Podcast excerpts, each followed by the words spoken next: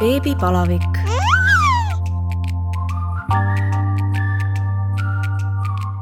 tere tulemast kuulama Õhtulehe uut beebipodcasti Beebipalavik. mina olen saatejuht Katariina Toomemets ja täna on minu külaliseks saatejuht Katrin Lust. tere, Katrin! tere, tere!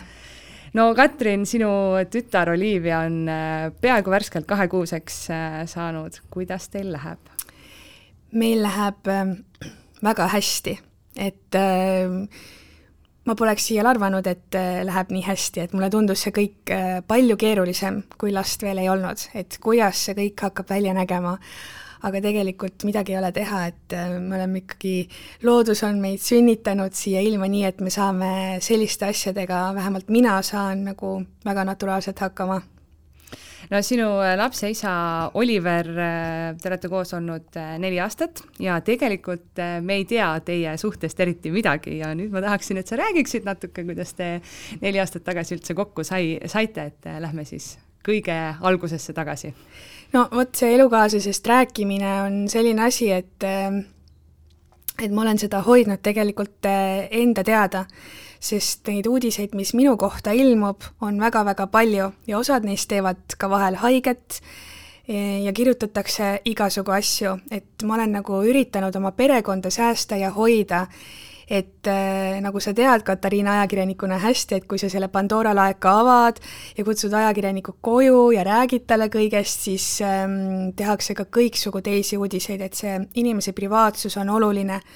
aga paari sõnaga ma ikka võin seda loori kergendada, et selles, või kergitada, vabandust, et ähm, eks ma saan aru, et ähm, võib-olla inimesed tahavad teada, et noh, suur osa kirjutas Instagrami, et kas mu lapsel üldse on isa, on ju, et et äh, ma ikka aeg-ajalt olen sinna Instagrami postitanud temast pilte, kuigi ta ise väga seda ei taha mm, -hmm. et lihtsalt äh, noh, ma usun, sinu mees ka võib-olla ei taha tähelepanu.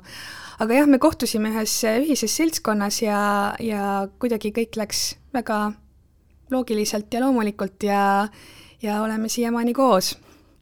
ega ma ei oskagi rohkem midagi öelda, et võib-olla, et lihtsalt ei kohtunud Tinderis või et selline väga traditsiooniline, traditsiooniline kohtumine oli no nüüd on teil imearmas äh, tütar Olivia, kuidas siis, äh, mis hetkel te otsustasite, et, et nüüd oleks aeg siis äh, oma, oma süda ja oma koduuksed ühele väiksele ilmakodanikule valla lasta, et kuidas te otsustasite, et, et on aeg lapsi hakata saama? Ma olen alati tahtnud lapsi saada, aga minu jaoks on olnud see turvatunde küsimus alati hästi suur teema, sest äh, minu vanemad, noh, tänapäeval öeldakse, et ma olen pärit katkisest perekonnast või selliseid suuri sõnu kasutatakse, et äh, lapse jaoks on ema ja isa mõlemad olulised, ükskõik millised nad on ja kas nad tülitsevad omavahel või mitte, aga paratamatult mina oma lapsepõlvest mäletan tülisid ja need tegid mulle väga-väga haiget. et mäletan ema pisaraid ja isa läks kodust ära ja ma mäletan nii selgelt, kui ma olin võib-olla kuue-seitsmeaastane, mängisin seal kuskil nukkudega, et ma nagu lubasin iseendale, et äh, minu laps äh, kasvab üles mõlema vanemaga. et ma ei, noh, ma tõesti mäletan väga eredalt just nagu seda valu, mida laps tegelikult äh, vanemate tülitsemise ja lahkumineku puhul üle elab ja nii kummaline, kui see ka pole, mul on tänase päevani see noh, see valu meeles, et mm -hmm. kui näiteks sa oled oma toas ja köögist kostub karjumine ja ma usun, et paljudes peredes on see, see teemaks, et äh, ma täna ka seda kuidagimoodi ei, ei varja või, või noh, üritan pigem sellest rääkida nii, nagu asjad olid, et äh, et, äh, et nii oli. ja see tunne oli nii tugev sellest, et ma tahan, et mu laps oleks õnnelikus perekonnas ja selline lapsena välja öeldud mõte või mõeldud mõte tundus nii lihtne seal mängunurgas, aga kui sa saad suureks, siis mingis mõttes see võib olla ka selline nagu noh, ikkagi nagu selline hingehaav mm, -hmm. mida täita on päris keeruline. et äh, mina igal juhul tundsingi nii, et äh, et need partnerid, kellega ma koos olin, et kogu aeg oli see tunne, et aga võib-olla me ikkagi nagu ei jää kokku, et kogu mm -hmm. aeg mhm. sul nagu koputab see lapsepõlve hirm kuklas. et sul endal on hea olla, aga seal on mingisugused asjad, kus sa tunned, et aga võib-olla asjad ei jää nii, ja vot sealt hakkaski tekkima see, et ma kartsin kartsin saada last, et ta satub samasugusesse perekonda, nagu võib-olla mul endal lapsena mm -hmm. oli. et ma mitte kunagi ei tahtnud näiteks hakata kuskil Inglismaa vahetama, last jagama, ma nagu mõte sellest, et, et la, lapsevanemad e-, elavad erinevates kodudes, see nii tohutult hirmutas mind. ja kuigi mul füsioloogiliselt ei olnud mitte midagi viga, et ma olin terve, kõik oli hästi ja, ja ma, ja sain lapsi, aga just oligi see mentaalne pool, et et see lapsepõlve unistuse täitmine, et minu lapsel oleks õnnelik kodu, et ta ei peaks nutma või muretsema või, või elama neid asju üle, saigi nagu mingis mõttes mulle nagu saatuslikuks, et see otsus muudkui lükkus ja lükkus ja lükkus, kuni ühel hetkel ma tajusin, et aga, aga nüüd ma olen sellises eas, et võiks saada ja sellises suhtes, kus ma tundsin, et, et noh, et nüüd ma tunnen aga vot siis alati ei ole nii, et siis ei tule ju laps täpselt siis, kui sa tahad. et, et ma ikkagi aasta aega pidin nagu ootama ja proovima ja, ja sellel ajal ikkagi pea täitus igasuguste muremõtetega, et kas ma lükkasin selle otsuse liiga kaugele, kas ma nüüd ei saagi lapsi, kas ma noh, mõte sellest, et ma olen õnnetu vanainimene, kellel ei ole lapsi või lapselapsi, tundus mulle noh, tohutult kohutavana ja eks see kõik hakkab mõjutama ka seda lapse saamist, et kui tekib selline stress, et nüüd ma olen valmis, miks sa ei tule mm, -hmm. miks sa ei tule, et ähm, et see kõik oli tegelikult väga keeruline mulle. aga nüüd, kui Olivia on siin, noh, nüüd ma jälle mõtlen, et äh, noh, tagantjärele on lihtne targutada, et ma tegin kõik õigesti mm. -hmm. et täna on mu laps nagu väga õnnelikus perekonnas, ta on armastatud, tal on kõik olemas ma tunnen ennast ise naisena, et ma nagu justkui täitsin selle lapsepõlvesoovi sealt mängunurgast. aga see teekond siia on olnud ikkagi päris selline noh, nagu künklik ja pikk. Kas see aasta siis, ähm, mis seal siis äh, viga oli nii-öelda? viga ei olnudki milleski muus, vaid ma arvangi seda, et ähm, et äh, noh, ka naistearstiga kõneldes Äh, tuli välja see, et naised, kes on, kes on pinges ja väga-väga tahavad last saada, kinnisidee? kinnisideena, noh, mul on väga-väga hea naistearst, et äh, noh, tõeliselt müts maha tema eest, doktor Kask, Kari, äh, Katrin Kask on ta nimi, et äh, olen aastaid tema juures käinud ja ilmselt on naistearst ka mingis mõttes selline nagu psühholoog, et et võib-olla ise annad juba alla, et aasta küll ei tundu liiga pikk aeg, aga noh, ma arvan, et kõik naised saavad aru, kes on olnud selles olukorras. Et nädalad venivad ja, ja kogu aeg tunned, ootad, kas nüüd juhtub, ei juhtu. noh, võib-olla nüüd praegu selles kontekstis rääkides tundub, et mul justkui nagu midagi muud ei olnudki, et absoluutselt mm -hmm. mitte, et aga, aga ma saangi sellest aru, et kui naine on stressis, tal on võib-olla kinnisidee last saada, no ma ei ütleks, et mul oli nüüd kohe nagu kinnisidee, siis äh, ei juhtugi seda ja arst ütles, et väga tihti on võib-olla naine lööb käega ja järgmine kord ta on, on rase ja ootab last mm. -hmm. et me kuidagi oleme iseenda, iseenda vae-, vaenlased, et kuigi lapse saamine tundub selline bioloogiliselt noh, väga lihtne protsess, siis uskumatu, kui palju tegelikult meie vaimne seisund seda olukorda mõjutab kas lõpuks äh, tuli loomulikult või, või pidi ikkagi meditsiiniabi kasutama? no mina nagu nii detailidesse küll tänases intervjuus minna ei soovi, et kindlasti sul on äh, toredaid äh, vestluskaaslasi, kes soovivad rääkida nendest asjadest pikemalt, aga selles mõttes, et laps on siin ja kõik on hästi ja, ja, ja, ja midagi mul viga ei ole no avaliku elu tegelastelt, eriti kui nad on äh, ka ilusates suhetes juba aastaid võib-olla siis äh, seltskonnas ja kui lapsi ei tule, siis kogu aeg küsitakse, et millal tuleb sinust on kindlasti ju ka kirjutatud, ma ei tea, kümneid artikleid, et, et kas Katrin Lust ootab nüüd last, kas Katrin Lust ootab nüüd last. kui palju sinult seda siis on päritud, et no millal siis ja, ja kuidas sa sellesse suhtud? No see on väga hea küsimus ja ma arvan, et see puudutab väga paljusid naisi, mida sa praegu just küsisid. kui sa oled kahekümnendates ja nagu Shakespeare ütleb, world is your oyster, et maailm on sinu auster, siis kõik, meri on põlvini ja, ja sinult seda küsitakse, siis kõik on okei okay,, et sa nagu vastad, et võib-olla veits on ebameeldiv, aga sa ei võta seda nii hinge. aga tõesti, ma pean ütlema, et ähm, et selle aasta jooksul, mil ma proovisin beebit saada, noh, jällegi see on, kõlab nii totralt, proovisin saada, et noh, selle aasta jooksul, kui ma olin valmis lapse saamiseks, ma tõesti tajusin väga palju nagu ebameeldivalt just, just seda, just seda küsimust.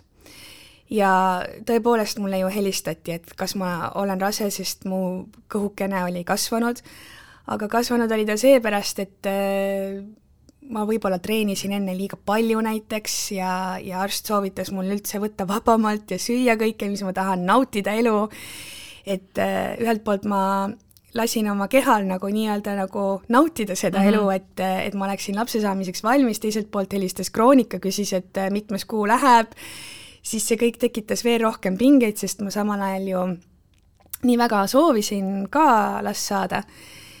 ja tõepoolest noh, mingid sellised kommentaarid, et äh, avaliku elu tegelased ütlevad küll, et ma ei loe enda kohta, aga mina küll loen, et äh, noh, minu jaoks juba puht on huvitav teada saada, mida kirjutatakse mm, -hmm. et mhm. tihtilugu sealt tuleb igasugust olulist infot ka, et sealt võib häid lugusid saada. aga vot sellel perioodil mulle läks nagu väga hinge, et ähm, kui inimesed kirjutasid, et mida see luss seal teles üldse on ja lapsi ta ka ei saa ja mingi mõttetu mutt ja varsti ei taha mees ka teda ja et vot siis nagu, kui sa oled sellises haavatavas olukorras, noh, võib-olla vaimselt selles mingisuguses punktis, et siis need tegid nagu ikkagi kohutavalt haiget mm -hmm. ja kui keegi veel küsis ka, et noh, et varsti oled juba nelikümmend ja et noh, et umbes peret ei hakkagi looma, et ma nagu ise ei ole kunagi kelleltki nii küsinud, et isegi siis, kui ma ei teadnud sellest teemast midagi, et mulle tundus see kuidagi taktitundetu, et inimeste äh, soovid, millal perekonda saada, kellega saada, need on nii rasked ja keerulised, et neid ei saa ükski valitsus ega ema toetus mulle, noh, mulle endale tundub nagu, nagu soodustada või mitte soodustada, aga, aga jah, siis ma nagu tundsin seda, et inimesed on kuratlikult õelad.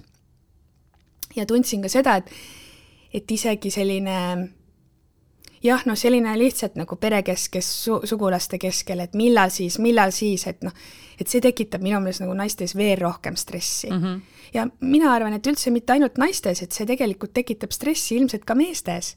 et me kogu aeg räägime sellest, et, et see küsimus, noh, nüüd on ta nagu tekkinud, et, et seda ei ole viisakas küsida ja sellel teemal ei ole viisakas ja, rääkida. kuidagi tundub, et teadlikkus on kasvanud selles osas. just, aga keegi ei mõtle, samamoodi küsitakse ju meeste käest et tegelikult eh, nendel on ju samasu-, samasugune soov ju ilmselt ju mingil hetkel eh, last saada või kellega saada või miks neil seda ei ole, et eh, vaevalt nüüd mõni mees nagu näpud püsti on, ma ei tea, nelikümmend, viiskümmend ilma lapseta, on ju. et ähm, ma arvan, et see on oluline, et mõlemat, mõlemat sugupoolt mitte nagu selle küsimusega häirida, et see on keeruline teema ja minu meelest on see totakas mingisugune komme rääkida sellest, et miks sul juba ei ole, on ju et ega keegi ei hakka sulle rääkima sellest, miks, miks sul ei ole ja see võib tegelikult väga haiget teha mm. -hmm. ja mõne inimese viib see viia noh, täiesti depressioonini ja, ja võib-olla tekitab nii palju stressi, et sa ei, sa ei saagi seda mm -hmm. last, sest see no, nõiaring suht. just, et see pinge on nii suur, on ju, et vanaema või ema või keegi kogu aeg küsib, on ju, et mis sul viga on, on ju. ja, ja sealt tekibki see, nagu, nagu naistearst ütles mulle, et, et naised mõtlevad ennast ise noh, nii-öelda nagu hulluks ja on iseenda vaenlased selles küsimuses, et selleks, et saada last, sa pead olema, su keha peab olema õnnelik ja rahul ja, ja see kõik on oluline.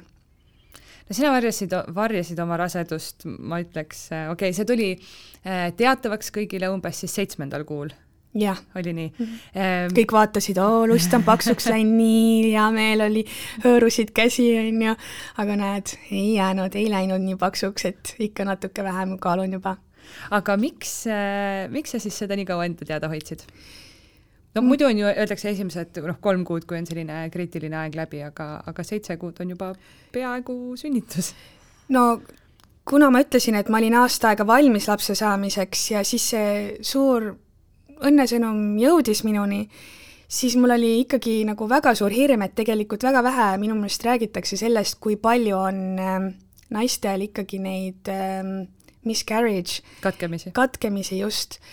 et äh, kas mitte isegi protsendid, eriti kolmekümnendate teises pooles on need katkemised ju suuremal protsendil naistel kui võib-olla kahekümnendates. ja mulle lihtsalt tundus selline arulagedus minna ja hõisata seda kogu maailmale, kui nii palju komplikatsioone on mm. -hmm.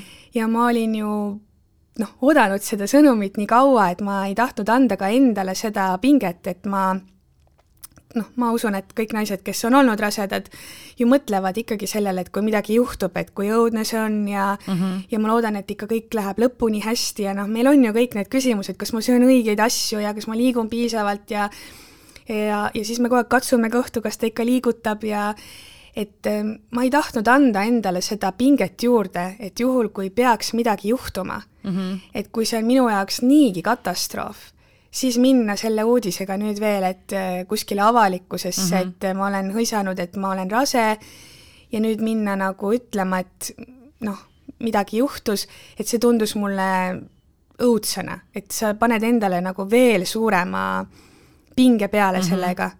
ja seetõttu ma ootasin ja, ja nautisin seda aega, ma olen nii tänulik sellele ajale, et äh, ajakirjandus ei teadnud, et ähm, see oligi meie kahe aeg et äh, ega mu toimetuses, ma töötan küll meelelahutusosakonnas, aga käisin iga päev selle kõhuga tööl, minu meelest minu reporterid küll midagi ei märganud, et märkasid neid pirukate kuhjasid mul seal äh, laua peal, on ju, et ma paisun nagu pärmitaigen võib-olla, aga, aga, aga see oli nii nii ilus, et noh, siin peab jällegi olema ettevaatlik, et mõni naine tahab seda kogu maailma, mhm. maailmaga jagada. ja mina ei ole nüüd see inimene, kes ütleb, et üks on õige või vale. et äh, jällegi nii individuaalne, et kuna mina saan seda tähelepanu nii palju, mul ei ole vaja seda kuskilt äh, juurde saada, siis mina tõesti nautisin seda, et ainult minu lähimad teadsid sellest ja see oli meie aeg kahekesi, keegi ei saanud meile haiget teha, keegi ei saanud mõelda halbu mõtteid äh, meie suunas, äh, et see oli mulle väga oluline aeg.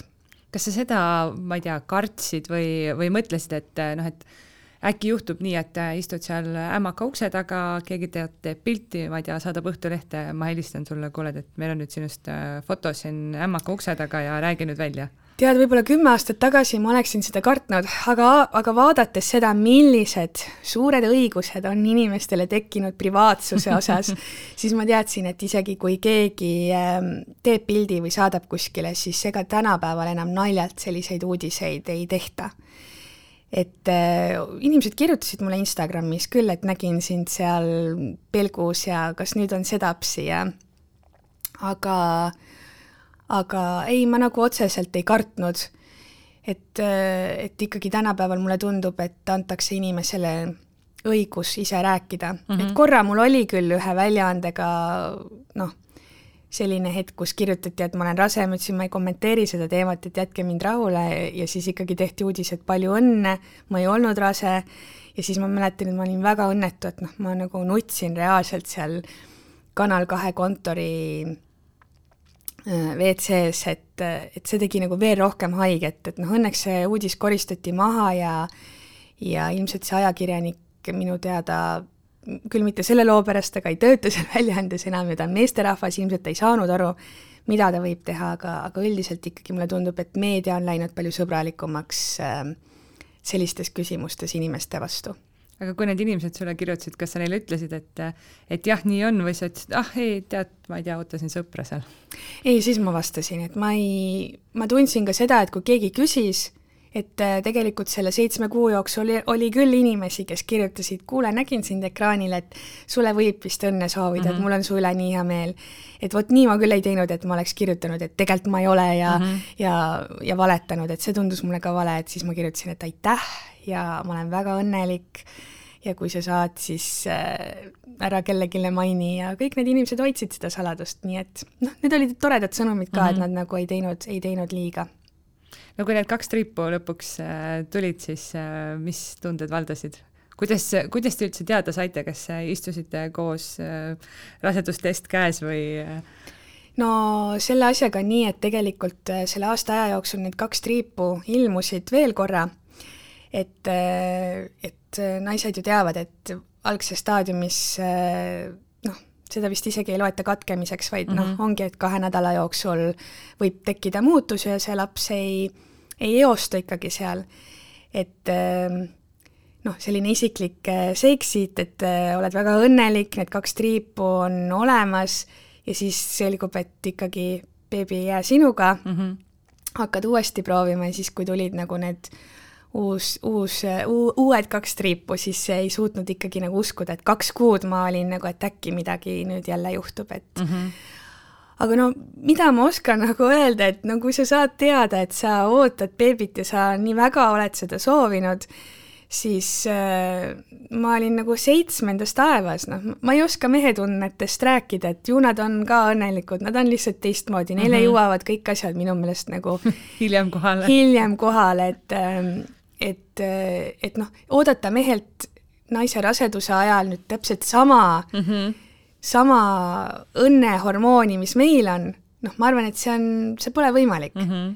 et äh, minule vähemalt minu arst rääkis, et äh, raseduse ajal naiste organismis eraldubki mingit hormooni, mis tekitab tunne, nagu sa oleksid õnne, õnnest purjus joovastunud mm, on -hmm. ju. et äh, naiste ja meeste vahel on suur vahe, et eks me olime muidugi õnnelikud, aga ma olin väga õnnelik ma olin noh, super õnnelik, et ma arvan, et kogu selle aja ma ikkagi põhimõtteliselt lendlesin, lendlesin ringi, kuigi mul oli ka eelmisel suvel väga raske iiveldusperiood. aga noh see on juba unustatud. kõik see oksendamine ja vannitoa põrandal öökimine, mis tundus, et ma lihtsalt suren kohe ära, ei iial enam. ja siis äh, täpselt nii, nagu kõik meie emad ja vanaemad räägivad, et nii valus on ja siis noh, ikka lapsena ju küsid, mhm. et mis tunne see on, kui beebi sünnib ja kas on väga valus ja siis ema räägib, no nii valus on, aga kui beebi pannakse sulle kõhu peale, et kõik valu haihtub ja siis sa nagu mõtled seal vannitoa põrandal öökides, et no see ei saa ju meelest ära minna et mul on ju nii halb, on ju. või kui ma olin haiglas, et noh, lihtsalt, ma lihtsalt olen mingi piinamiskambris praegu ja ma olin ju kolm päeva valudes. et see on, et naised on kangelased, ei iial enam. Ja siis sa saad selle beebi rinna peal ja sisuliselt mingi kümme minutit hiljem mõtled, et oh my god, kas ma jõuaksin veel ühe lapse saada, et kas mul on ikka aega, on ju. et noh, et see naiste, naiste värk anda edasi noh, oma, ma ei tea siis äh, anda geene ja elu, et see on ikka nii sisse meile kodeeritud, et noh, ma arvan, et ükski mees Nad on juba kolmekümne seitsme kraadise palaviku juures on äh, pikali maas, et et noh, et me ikka oleme kangelased, jah no sa juba natuke mainisid, et, et äh, alguses õudselt palju oksendasid, kuidas sul muidu rasedus kulges, et äh, see esimesed kolm kuud kuuldavasti on kõige hullem aeg, ma ei oska kaasa rääkida, mul ei olnud midagi viga. no sul vedas. ma olin ainult väsinud, ma tahtsin kogu aeg jubedalt magada muidugi, aga see oli ka kõik. no vot siin ongi see, et ma arvan, et suur osa naisi teeb endale karuteene sellega, et kui nad mõtlevad, et nad saavad lapse, mis kõik nendega juhtuma hakkab mm. -hmm. no ma arvan, et kõik naised mõtlevad, võt kaalus juurde ja pärast oled paks ja kole ja kõik venib välja ja ja kõik, mis, kui halb sul on, olla on, sa ei saa mitte midagi teha. et noh, vähemasti minul oli see, et ma mõtlesin, et kuna ma olen kolmkümmend üheksa, kui ma jäin rasedaks, et see on ikkagi suhteliselt hiline aeg, on ju, kuigi ma jälgisin, samal ajal oli ju rase ka Keit Pentus-Rosimannus mm, -hmm. keda ma Instas jälgin ja, ja kes oli minust mingi seitse kuud ees, et siis ma nagu vaatasin, et jälle on ta seal kuskil, ma ei, matkarajal kümme tuhat sammu tehtud, et mis imeinimene see on. võrdlesid ennast? no ikka muidugi, et mis mind ees ootab. ja kindlasti ma mõtlesin sellele, et mul läheb see kõik raskemalt et äh, kui kahekümnendates, et kas ma pean Jüri Pihelile ikkagi ütlema sügisel, et ma ootan beebit, et äkki ei saa tööle enam minna, millal ma peaks talle ütlema. ja siis ma mõtlesin, et aa, ma ikka ootan ära, et kuni mul väga halb hakkab. aga tegelikkus on see, et äh, minu keha on fantastiline, et tõesti see iiveldusperiood oli väga õudne, see oli kuues kuni kaheteistkümnes nädal Õnneks ta läks natuke sinna suveperioodi minu jaoks, ehk siis nagu selline juuli ja august, kui mm -hmm. tööd ei olnud nii palju, noh, Elu24 kõik midagi jäänud tegemata, ma olen väga kohusetundlik. aga see oli jah, rõve periood, et ma isegi ütleks, et kogu rasedusest on iiveldusperiood kõige raskem. et see, mis pärast tuli, võib-olla need lõpunädalad on ka rasked mm, -hmm. et sul on lihtsalt kopp ees äh, olemas ma ei tea, emavaal et sa ei mahu kuskilt sisse ja, ja sa ei saa mu saapapaelu kinni ja ma õppisin näiteks tenniseid jalga panema, nii et ma ei teegi enam neid paelu lahti. ja mina ostsin et... omale kingalusika esimest korda, ema on rääkinud mingi kümme aastat, et miks sul ei ole kingalusikat, mul pole seda kunagi vaja läinud. ja siis, kui kõht hakkas ette jääma, siis ma läksin poodi ja ostsin kingalusika. mul on ka mingi puusani ulatav onju, millega sa saad nagu mõnusalt, et iiveldus oli, oli väga raske, ma isegi võtsin mingisuguseid tablette ja käisin paar korda Pelgulinnas seal ähm, ähm erakorralises. erakorralises just, et sain mingit tilka ja mm -hmm. oksendasin lihtsalt mm, noh, nonstop olin seal pikali maas, aga, aga see möödus, et arst ütles, et see möödub, tavaliselt see möödub. ega sa alguses ei usu seda, on ju? ei, ma, mina, ma ütlesin, ma, ma, ma olin veendunud, et no nüüd läheb niimoodi, et mul on raudselt see rasedustoksikoos või mis see on, on ju, et mul lähebki lõpuni välja mm, -hmm. aga kaheteistkümnendal nädalal hakkas kergem ja sealt edasi läks kõik lenneldes, et äh, mulle väga meeldis, et ma sain tööl käia, sest kui ma oleksin jäänud koju diivanile, ma oleks kindlasti üle mõelnud mm, -hmm. ma oleks mhm. kogu aeg katsunud oma kõhtu, ma oleks kogu aeg vaadanud, kas ta liigutab, ma oleks ilmselt oma arsti hulluks ajanud. et see tööl käimise võimalus võttis mul, võttis mul pinget veits maha mm, -hmm aeg läks kiiremini ja andis mulle võimaluse nagu nautida seda kõike rohkem. oli sul mingeid veidraid äh, isusid? see on põhiküsimus alati, mida ka küsitakse. no ma ise, ma vist kuskil ajalehes märk-, keegi, keegi küsis, kas Naisteleht tegi ka mingi loo minuga, kui ma ootasin beebit ja siis ma seal olin väitnud, et äh, mul pole mitte mingeid isusid, et mul on kõik samamoodi ja siis ja siis mul ähm, elukaaslane luges seda, ütles, et kuule, mis lolli juttu sa seal ajakirjas ajad, et vaata, mida sa endale näost sisse, mingi kummikomme ja šokolaadi läheb tahvlite viisi, et et mis, et nagu, et mida sa räägid, on ju, ja siis ma nagu mõtlesin, et issand, kurat, et tõesti, mul tegelikult ju on mingid isud, mingi rosinakohupiim ja et, et lihtsalt see nendega vist tavaliselt arvatakse, et noh, ma ei tea, mingi hapukurk äh, vahukoorega on ju, et noh, mingeid niisuguseid lollakaid just, aga ma-, magus vist on selline, mida, mida kõik söövad. jah, seda, et heeringat ja, ja vahukoort, seda ma ei söönud, aga tõesti selline tohutu magusavajadus tekkis. ja noh, võib-olla veel üks asi, ma just täna mõtlesin, kui tulin siia, et kas ma räägin sellest või mitte aga ma ju ei võtnud üldse palju juurde, mul mm -hmm. tuli kogu raseduse ajal tuli vist kümme pool kilo mis läks sisuliselt noh, esimese nädala jooksul mm -hmm. läks juba kaksteist kilo alla, et tegelikult rohkem veel, kui ma äh,, ma olen nii-öelda nagu paremas kaalus kui enne rasedust. aga tegin hiljaaegu vereanalüüsi, et ma iga kevad kontrollin ennast ja mul oli läinud kolesterool üles ja väga kõrgeks.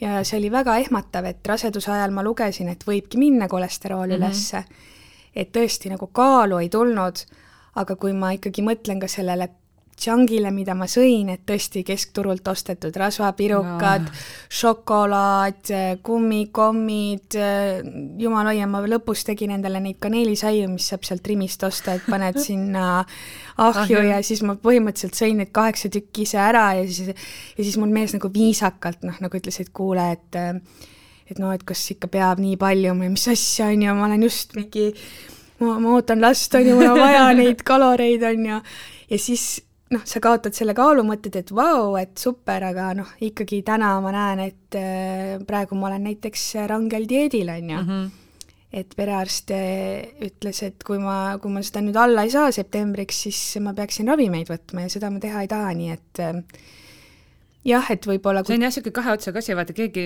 tavaliselt, ma arvan, väga paljud ei tee sellist äh, vereanalüüsi pärast, et nagu ei saagi teada, et, et midagi nagu, kõik mõtlevad selle peale, et oh, kaal on kõik läinud mm. jess, on ju, aga, aga mis seal tegelikult võib-olla midagi jääb. Jaa, noh, see kolesterool, ma saangi aru, et see võib raseduse ajal tekkida mm, -hmm. see peaks siis rinnaga toitmise ajal alla minema, minul oli ta tõesti väga kõrge, ma olin täiesti ehmatunud sellest, aga kui ma nagu rahulikult ka maha istusin ja mõtlesin, et mida ma tõesti sõin, et ma ei, ma ei söönud tervislikult mm, -hmm. et äh, noh, et praegu, praegu ma sööngi nagu kala ja kana ja ma olen kõik igasugused äh, rasvad ja ebatervislikud toidud oma menüüst välja mm -hmm. jätnud ja mingis mõttes ma võib-olla olen isegi tänulik oma kehale, et ta selle kolesterooli üles viskas, et äh, et praegu ju ongi aeg vaadata enda sisse, et mis mm -hmm. sa Mhm. sööd, eriti kui sa toidad oma last rinnaga ja kõndida natuke rohkem, nii et ma proovin saada siis septembriks ennast korda. mina olen ka kogu aeg öelnud, ei olnud mul ühtegi isu, aga noh, tõesti see magus ja teine asi, Coca-Cola. see oli nagu läks- liitrite viisi. jaa, ma just mõtlesin ka, et kui ma nagu selle kolesterooli vastuse sain, et issand jumal, nagu et mis mõttes on mm -hmm. ju, Mhm. ma olen nagu nii noor ja mul on mingi kuradi kolesterool nüüd on ju. aga siis ma hakkasingi nagu rahulikult mõtlema, et mida ma nüüd oma menüüst pean ära jätma, et mida ma söön palju mm. -hmm. Ma jõin alles eelmisel, ma käisin eelmine reede arsti juures, ma jõin möödunud nädalal ka veel mingisugune poolteist liitrit Coca-Colat päevas. noh, mul on nagu siiamaani on see, see mul magu oli ka pärast sünnitust kohutav. ja, ja siis sa imestad, et sul on nagu noh, kolesterool on üle kuue ja, ja, ja nii edasi, et noh, kui su keha ei ole sellega harjunud mm -hmm. varasemalt ja kõik on korras olnud ja järsku sa oled üheksa kuud pannud kokat ja rasvapirukaid, on ju, noh, et ju siis kuskilt ikkagi mm. -hmm. peab keha järgi andma. Aga jaa, ma soovitan kõigil naistel tegelikult, kes on sünnitanud, et äh, tõesti, mina läksin perearsti juurde- ja ütlesin, et palun tee mulle kõik testid. kolesterool, D-vitamiin, need vähimarkerid, noh mm. -hmm. kõik, kõik asjad, et ma olen väga õnnelik, et, et mulle see tehti. mina lasin ka teha, aga noh, ma täpselt ei tea, mis, mida nad äh, lõpuks tegid, aga mul oli niimoodi, et äh, lihtsalt üks äh, ohatis ajas teist taga. et mul on muidu ka ja siis oligi nii, et kadus ära, mingi kolm päeva oli vahet, tuli jälle ja see oli viis korda järjest. ja nagu mõtles, ei saa kuu aega lihtsalt oma last põhimõtteliselt musitada, sest kogu aeg on Jaa. ohatis ja siis selgus, et äh, raud, isegi mitte hemoglobiin, aga ferritiin oli ülimadal. no vot, tegelikult see mm, ohatis tuleb ju ka sellest nii-öelda nagu immuunsus on mm. -hmm. ikkagi veits all, et ma ka tundsin mingi hetk, et hakkab tulema, panin ruttu seda, mis on so Soviraksi Ja- peale, mõtlesin, issand, mõtle, kui ma annan selle oma beebile, oh my god, see on nii ohtlik, kui see läheb silma. Meil oli ju Kuurjas mingi lugu, kus keegi jäi pimedaks ohe- ohatise tõttu. mul tuli haiglas juba nagu oh, õnneks mul on alati rohikotis ja siis eh, noh, sai, aga see oli jah, päris äh, õudne. aga samas jällegi keegi ütles mulle, Eda-Liis Kann ütles mulle, et äh, lapsel on tegelikult kõik needsamad äh, mm Mhm. -hmm. asjad olemas, et tegelikult ei ole see nii ohtlik lapsele, sest kui yeah. sul on ohatis, siis tal on, tal on ka kehas see kuskil olemas ja pole see asi nii hull, et ta on mm, Mhm. -hmm. ta on põhimõtteliselt nagu väike mina. no sa lihtsalt duubeldasid ennast ju. jaa, ma pooldusin, ma, ma, ma läksin ju, ma siiamaani, mulle tundub see täiesti uskumatu, et sa lähed nagu ühes, ühes tükis, tükis. lähed haiglasse, noh, mina, mina sain veel kaks päeva enne haiglasse minekut külge koroona, ehk mm -hmm. siis Mhm. perepalatist, kõigest sellest ei tulnud midagi välja, ma läksin üksinda sinna ja siis sa nagu tuled välja sealt, sind on kaks. ja siis sa nagu mõtled, et see pole ju võimalik, on ju, et nüüd elab siin korteris kolm inimest. et nagu üks inimene on juures, et sa nii tihti nagu istud ja näpistad ennast, mõtled, see on täiesti ebareaalne. ja sa tegid ise selle inimese valmis Jaa. enda sees. ja sa tegid ta valmis ja siis ta hommikul naeratab sulle ja vaatab otsa ja noh, ma ei tea, minu meelest see on täiesti sõnu kirjeldamatu, et ma olen väga õnnelik, et see minuga juhtus, et kui see poleks minuga juhtunud, ma arvan, väga palju naisi ju tegelikult mm, võib-olla ei saagi last, on ju. Ja nad ka kuulavad võib-olla seda podcast'i, et äh, et ähm, mina olen õnnelik, et see minuga juhtus, et ma oleksin kindlasti väga paljust elus ilma jäänud.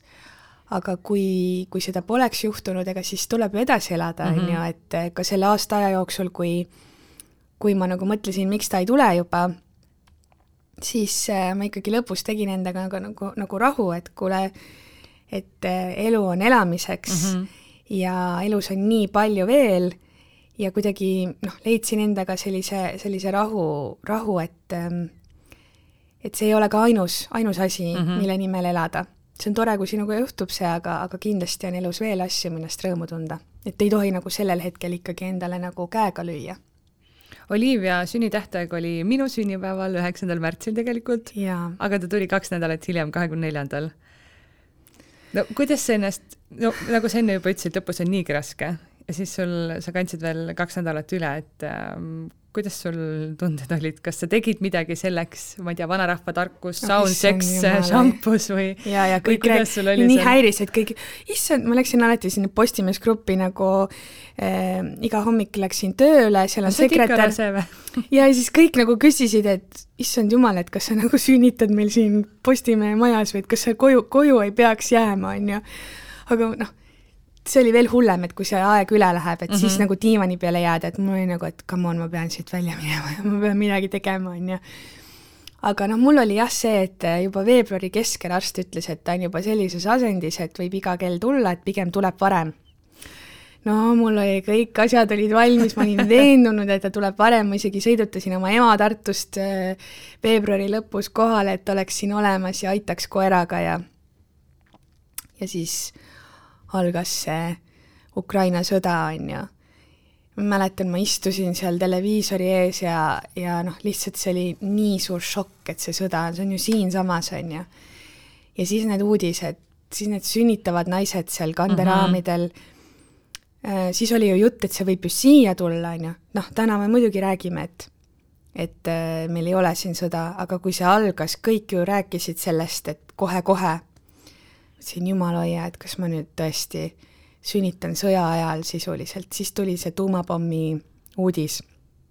inimesed ostsid apteekidest jooditablette, et noh, kui sa mäletad, see oli noh, see esimene kuu oli ikka täiesti Mhm. hullus, on ju, kakskümmend neli veebruar siis, kuni ja ma arvan ikkagi nii, et äh, mind mõjutasid need, need uudised nii väga, et noh, lihtsalt võib-olla keha läkski lukku, on ju. Et, et see kõik oli nii hirmutav ja siis läkski aeg üle ja läks üle ja üle ja üle. ja iga päev me tegime ju ka uudiseid nüüd Ukraina sõjast ja nii edasi. ja siis lõpuks Olivia sündis täpselt kuu aega pärast sõja puhkemist, kahekümne neljandal äh, märtsil. ehk siis ma olin nagu kuu aega oodanud teda sellest hetkest peale. ma ise arvan, et see et see aeg läks sellepärast üle, et mm -hmm. need maailmasündmused olid ikkagi niivõrd hirmutavad ja kui kui ma lugesin, et esimene laps sündis metroos ja sa ise lihtsalt ootad ju, iga päev ootad, et need veed lahti läheksid ja saaksid haiglasse minna ja mõtled nende naiste peale, kes kes seal on ja sa lähed sünnitama metroosse ja saadad oma mehe samal ajal sõtta mm. -hmm. sa ei tea, kas sa teda enam kunagi näed. su kodu on täiesti maatasa pommitatud vot nendel hetkedel ma küll mõtlesin, et issand jumal, et ma olen nagu nii õnnelik, kui ma olin seal Pelgulinna palatis ka üksinda, ma olin ju koroonahaige, et ega mind ei tahetud sinna nagu kogu aeg vaatamagi tulla, et mm -hmm. arusaadav, nad pidid ju panema need riided selga ja, ja kui midagi viga oli, siis ma helistasin pigem, pigem, et tulge.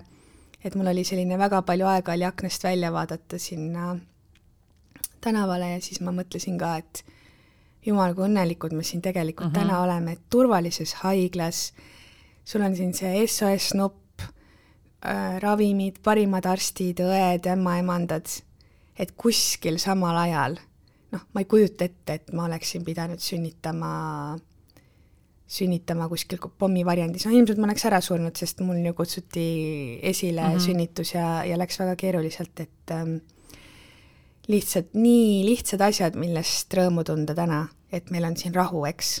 et võib-olla kõik muu ei tundugi nii õudne mingid bensiinihinnad mind jätavad täiesti, ma tean, mehed räägivad kogu aeg bensiini ja, ja, ja diisli hindadest, et noh, minu arust maksku, mis ta maksab, et see, et meil on siin rahu praegu mm, -hmm. noh, see on kõige tähtsam. nagu sa juba ka ütlesid, siis sul kutsuti sünnitus esile, selles mõttes meie nagu lapsesaamislood on natuke sarnased, minul kutsuti ka esile, lõppes nagu sulgi keisrilõikega minul kutsuti seepärast esile, et, et mul oli vererõhk oli kõrge ja siis ei lastud üle kanda ja, ja keisriga lõppes siis sellepärast, et lapsel oli niimoodi lõug rinnal ja noh, lihtsalt viimased kaks ja pool tundi nagu avatus üheksa sentimeetri pealt enam edasi ei läinud. sinul kutsuti esile, sest noh, ilmselgelt oli, oli nii kaua üle, aga, aga ma lugesin intervjuust, et kolm päeva sa valutasid seal. miks siis äh, asjaks ei läinud? Jaa, no te, ma tegelikult jälgisin ju kõiki oma rasedaid tuttavaid ja sõpru mm -hmm. Instagramis, et ma jälgisin sind ka, sa olid minust ju kolm, kolm kuud ees, on ju. et mis iganes sa sinna postitasid, siis mulle nagu tundus, et ahah, nüüd, nüüd lõpetasid tööl käimise ära, ahah, nüüd tegid seda, et, et ma ikka lootsin, ma ju ütlesin, et ütle siis, kas oli valus mm. -hmm. ja siis ma kirjutasin sulle peale sünnitust, et noh, kas oli valus, sa ütlesid väga siis ma mõtlesin, nojah, on ju, et oleks võinud siis öelda, et ei olnud, aga suur tänu sulle, et sa olid aus, on ju. sa tahtsid teada ju, räigelt no, valus oli jub,. jube hea oli nagu kuulda, et kolme kuu pärast, et noh, Katariina, et kuidas oli, et oli valus, on ju. Ja siis sa ütlesid, jaa, väga valus oli, aga noh, umbes nüüd on kõik hästi ja ma ütlesin, okei okay,, joh, ei tea, on ju. ja siis sa nagu kolm kuud pead ju ootama veel seda ja. valu, eks, et milline see on. ja mul läks kuidagi väga, lõpp läks no nii käest ära, et äh, kui kogu rasedus läks väga hästi, mitte mingisuguseid kõrvalnähte mul ei olnud, välja arvatud see, et mul olid väga rõvedad äh, kõrvetised aa ja mul tulid ka lõpus kõrvetised. eriti lõpus ja vot see oli kõige rängem, et ma ei saanud enam ujumas käia, noh, sest kõik ju surus mm. -hmm ma ei saanud seal istuda, ma ei saanud sisuliselt midagi enam väga süüa, sest kõik hakkas kõik. üles ajama. mul tulid mingil suvalisel ajal, näiteks niimoodi, et ma öösel ärkasin üles, siis kõrvetasin niimoodi, et mul oli öökapisahtlis renni, mingi vannitoas oli renni, elutoas oli renni igal pool jaa, mul oli ka renni igal pool kotis, ma mingi võtsin juba intervjuude vahel neid rennisid niimoodi, et intervjueeritavad vaatasid, et mis asja ma söön, on ju, mingi tablette ajan näost sisse. no minu jaoks oli nagu kommid mm. -hmm. ja alguses nad mõjusid, Nad võtsid ära. ei mõjunud või? aga lõpus, noh, kui ma üle kandsin, ma võisin, noh, ma võisin neid süüa nii palju kui tahes, mul mitte midagi ei mõjunud, ikkagi mul oli, oli see kõrvetis, kes pole neid tundnud, kunagi ei tea, eks. aga no väga rõvedad asjad mm. -hmm. et äh, ma ei saanud kõndida, ujuda, süüa, noh, lihtsalt lõpus oligi see ja mõtle, sünnitad ära ja mitte ühtegi rennit mm -hmm. enam, on ju ma andsin ka just äh, rasedale tuttavale edasi kõik, mis ma kodust leidsin, kraapisin mm. kokku. no vot aga jah, et äh, mul oli jah kuidagi nii, et äh, kaks päeva enne äh, haiglasse minekut, no mul oli, et kui ei, selleks hetkeks, eks ole, ei sünni, et siis ma pean minema haiglasse sellel kuupäeval, et arst tegi saatekirja mm. -hmm. ja siis ma tundsin, et mul pea valutab, silmad jooksevad vett ja siis mees ütles, et davai, teeme kiirtesti. ma ütlesin, ah ei ole, et see on lihtsalt gripp on ju, ja siis tuli sinna mingi sekundiga kaks triipu ja oligi koroona. Need kaks triipu, mida sa ei taha näha? no ma, mina reaalselt hakkasin ikkagi diivanil nutma, sellepärast et hirm selles, mis ees ootab, hirm koroona ees, noh, mul ei olnud nagu varem ma pärast selgus, et beebil olid need antikehad varasemast mm, -hmm. et ma ilmselt olin selle läbi põdenud, ilma et ma oleks aru saanud aga ma ei teadnud seda, ehk siis mul oli nagu hirm koroona ees, et mida see siis kaasa toob, osadel on ju nii raske variant. siis muidugi see, et ma pean üksi haiglasse minema mm, -hmm. siis ma pean olema isoleeritud palatiseks, äh, kõiges, kõik selle pean nüüd üksi läbi elama, et see, see oli nii õudne, et ma jah, ma ikkagi mäletan, mitu tundi nutsin, nutsin seal ja siis mind üritati lohutada, aga noh, see nagu äh, ei mõjunud, noh, lõpus loomulikult võtame kokku ennast ja kõik on tehtud ja täna ma tunnen, et enam hullemaks minna ei saa, kui mm -hmm. mul kogu aeg see variant oli. aga jah, ma läksin haiglasse, oligi koroona, tehti seal kohapeal ka test, pandi isoleeritud palatisse. kas sa ütlesid siis enne minekut neile, et, et kuulge, mul on või, või ja. kuidas see käis? et sa ikkagi pidid ette ütlema, on ju? ma helistasin oma ämmaemandale, mul oli eraämmaemand äh, nii-öelda siis palgatud mm. -hmm. Äh, ma ühelgi perekooli koolitusel ei osalenud, sünnitusest ma ei teadnud mitte midagi. Mm, -hmm. ma ei tahtnud ennast stressi viia, ma tean, osa inimesi käib, õpib hingamist ja võimleb, ma ei tahtnud sellest mitte midagi teada, ma mõtlesin, et kui lõviema saab sellega hakkama ilma perekoolita, siis saab Katrin Usk ka kindlasti hakkama et äh, ma ei võtnud tõesti ka neid beebitunde ega mitte midagi, vaid äh, lihtsalt ootasin ja mõtlesin, et see kõik tuleb mulle naturaalselt mm. -hmm. tuligi hiljem ja netis on kõik koolitused olemas, nii et kui beebi oli käes, siis vaatasin temaga koos Youtube'ist koos perega, kuidas tuleb pesta ja, ja mis asjad võivad juhtuda ja kuidas ikkagi nabanööri eest hoolitseda, kui tundus, et ei ole päris täpselt meeles, mhm. mis haiglas räägiti. kõik see on olemas, et äh, et äh, ei kahetse üldse, et ma midagi ei teinud. aga jaa, ma ei tea, millegipärast emakakael ei avanenud. et äh, esimesel päeval pandi mulle mingisugust keeli, mis peaks selle esile kutsuma, see küll tekitas valusid, ehk mm, -hmm. ehk ta nagu alustas seda protsessi, aga see kaela avatus, noh, see tuli sisuliselt millimeetritega juurde siis järgmisel päeval, no meil on beebi, beebi podcast, siin võib rääkida kõiki neid asju, eks, peabki rääkima vist. tehti, kasutati ballooni, see on siis selline asi, mis siis pannakse sisse ja, ja kunstlikult pumbatakse siis mingit vedelikku täis ja kunstlikult hakkab siis seda emakakaela avama mm. -hmm. sellega, see oli kakskümmend neli tundi siis sees, meeletud valud sellega siis tuli avatust vist null koma viis sentimeetrit juurde mul tulid külmavärinad. arstid kogu aeg katsusid, noh, mingi aja tagant, et kas, kas midagi toimub üldse. no siis olid juba valud nii suured, sisuliselt tulid ka sellised tuhulaadsed asjad, et äh, iga paari minuti tagant olid valud mm, -hmm. tundus justkui sünnitus läheb kohe lahti tegelikult ei läinud, lihtsalt valud kessid ja kessid, siis kolmandal päeval pandi uuesti keeli siis oli kõik seal, noh, ilmselt oli natuke avatust tekkinud, ehk valu läks suuremaks mm. -hmm. siis arst jälle katsus, ütles, et sisuliselt jälle oli null koma viis sentimeetrit juurde tulnud. ja ma mäletan, et kolmapäeva õhtul arst ütles, et noh, et kui nüüd midagi ei juhtu, et siis homme hommikul ikkagi toimub keisrilõige, et ärge siin jooge-sööge siis ja ja teeme ära aga kell üksteist öösel olid valud nii suured, ma olin ju magamata ka mm -hmm. praktiliselt kõik selle aja, mul oli koroona, mul oli räme köha, ma köhisin, ma noh, ma ei mäleta, millal ma viimati niimoodi köhisin, noh, sul, mõtle, sul on kõht, eks ole mm, -hmm. ja sa, ja sa köhid, siis mul oli palavik kolmkümmend seitse kuus, mis on nagu kõige vastikum palavik sisuliselt, noh, mitte et mingi palavik oleks parem, aga see on selline, oledki nagu vati sees mm -hmm. ja, ja leemendad sisuliselt ja siis see arst äh, seal Pelgus, valvearst nägi mind kell üksteist või kaksteist öösel, sisuliselt olin ma nagu zombi juba kolme päeva peale ja siis ta ütles, et aga meil on ju siin arstid ööpäevaringselt, et teeme öösel ära, et kui nüüd mingi kahe tunni jooksul vist mingi süst mulle tehti, et kui nüüd ka ikkagi seda avatust juurde ei tule, et siis siis ta ei tulegi, jah? siis paneme lauale, et ei ole mõtet inimest hoida ju, noh muidugi, kui ma mõtlesin, ma pean kaheteistkümnest hommikul üheksani ootama nende valudega, et noh, ilmselt ma suren ära, on ju. et eh, noh, ma olen väga tänulik, et eh, arst tuligi kell kaks öösel, vaatas, et emakakaela avatus oli noh, praktiliselt mitte midagi polnud juurde tulnud ja siis ta ütles, et pane nüüd, viska ennast kanderaamile ja lähme ja ja tegi selle otsuse inimlikult, et ta ei jätnud, ta oleks võinud ju jätta mu hommikuni sinna mm. -hmm. ja nojah, siis ma ei tea, kui see kateeter sisse pandi, mis peaks olema suhteliselt valulik protsess mm,. ta jah, ta on niisugune ebameeldiv, mulle pandi ka. et valu oli nii suur, et see oli nagu noh, ma ei tea. köömes. köömes, kas tundsid midagi, ei tundnud ma ei jaksa enam et noh, nagu jah, et see oli jah, et ma sain nagu, ma sain kõike proovida, koroonat ma sain need tuhud, ma sain sünnitusvalusid kolm päeva, seitsekümmend kaks tundi proovida ja siis ma sain selle mõnusa keisrilõike ka veel.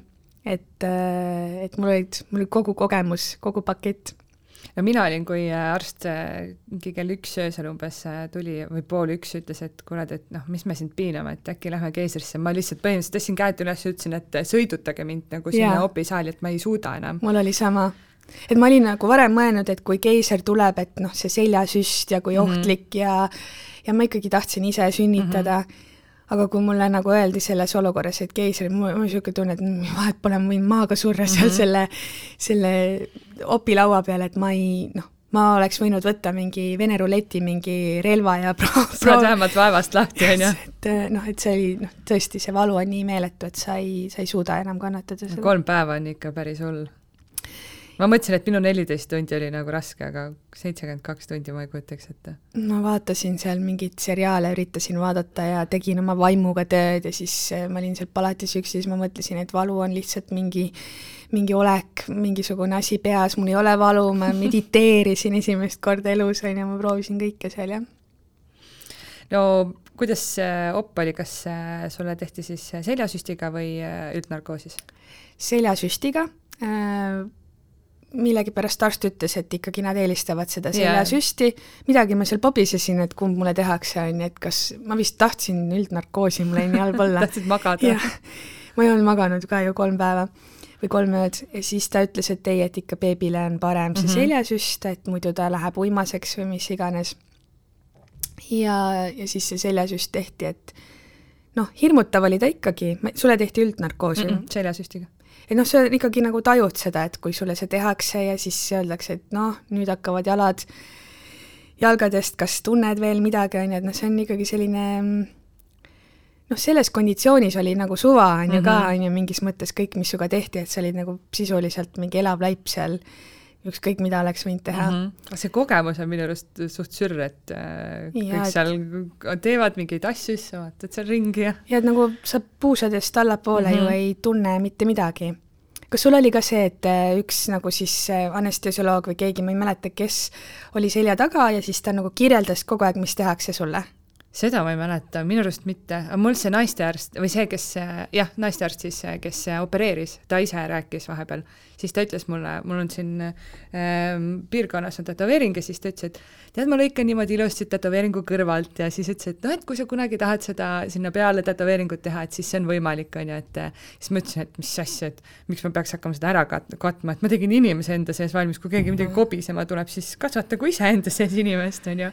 et nagu viskasin veel nalja selle nagu, mul oli Äh, ma käisin selle naistearsti juures äh, vist nädal enne äh, veel vastuvõtul ka mm -hmm. ja tema tegi mulle ka loote anatoomia, ehk siis ma olin teda mitu korda näinud ja, ja siis, kui ta sinna opisaali tuli, ma alguses ei saanud aru, et tema lõikab ja siis ta astus sisse, ma küsin, sina lõikad või? siis ta mingi jaa. ma mingi, sa oled mu lemmik no sul oli siis eriti jututuju või? jaa, räägi, ma tegin nalja, aga noh, mingi hetk läks ikka rõvedaks, kui, kui juba laps nagu väljas oli ja kui nad hakkasid äh, seal kokku õmblema, siis tulid värinad ja siis arst ütleb, et jaa, jaa, need on vaprusvärinad, ära muretse. tulid, mul olid ka need värinad. nii külm oli. tohutu külm, aga mul oli just, ma arvasin, et see on kõigil niimoodi, et mul oli nagu siis see sirm pannakse ette, eks mm, -hmm. on ju, see mingi roheline mm. -hmm. no mul võeti prillid ka eest ära, nii et põhimõtteliselt ma nagunii poleks midagi näinud, et nad ei oleks pidanudki panema nüüd seda sirmi, mul on miinus seitse pool prillid okay., nii et ma ei näe mitte, mitte midagi, kui need eest ära võetakse. aga siis ta oli mul nagu selja taga ja siis ta kogu aeg rääkis, et nüüd valmistatakse ette, pannakse, pintseldatakse, nüüd äh, noh, nagu sisuliselt ta rääkis mm -hmm. kõike, mis nagu tehti, et nüüd hakkab lõikus, arst tegi esimese lõike, nii, oi, beebi juba paistab, nüüd äh, ja siis beebi võeti välja, no siis toodi näha, mõtlesin, miks ta ei nuta, ma mm -hmm. mäletan, seda ma ütlesin ja siis mul oli see ämmaemand kõrval, kes pidigi sünnituse kõrval ka olema, siis ta ütles, kõik on hästi, vaata, ja siis ma mäletan mingeid, ma mäletan tema sinised silmad ja põselohud ja siis ma olin nagu oh my god, nagu see pilt kangestus mm, -hmm. keegi just hiljaaega emaga just rääkis ja nema ütles, et noh, et kui beebi oleks ära vahetatud, kas sa mäletasid, noh, milline su beebi oli, et kas sa oleksid aru saanud? ma ei ole nagu kunagi mõelnud selle mm -hmm. peale. ma ütlesin jaa, nagu noh, ma nägin teda ju ainult mingi paar sekundit mm -hmm., noh, ta pandigi mulle sinna, ma ei tea, kuidas see näo on. juurde vist kui.... näo juurde ja. korraks ja siis ma vaatasin talle otsa ja siis ma vaatasin ta nägu, aga kui keegi oleks mulle toonud teise beebi, ma oleks nagu kohe aru mm -hmm. saanud, et see ei ole minu beebi. kas, kas sul on samamoodi, on ju, kui sa mõtled sellele praegu? ma arvan küll. oleks saanud ära vahetada mu lapsel oli nii palju juukseid, et, äh, et ilmselt jah, ma oleks öelnud, kuulge, need on kõik siin kilakad. jaa, et nagu, nagu sa tunned oma beebi ära, on ju, et sa näed ainult hetke teda, et, et, et et jaa, mina ka tundsin, tundsin kohe ära, et oli nii armas, ma ütlesin, miks ta ei nuta, ei, ta hakkab nutma, kõik on temaga hästi, siis ta mingi vaatas otsa kogu maailma umbes, et mis siin toimub, mingi ruum on mingeid inimesi rohelistes kitlites täis, on ju.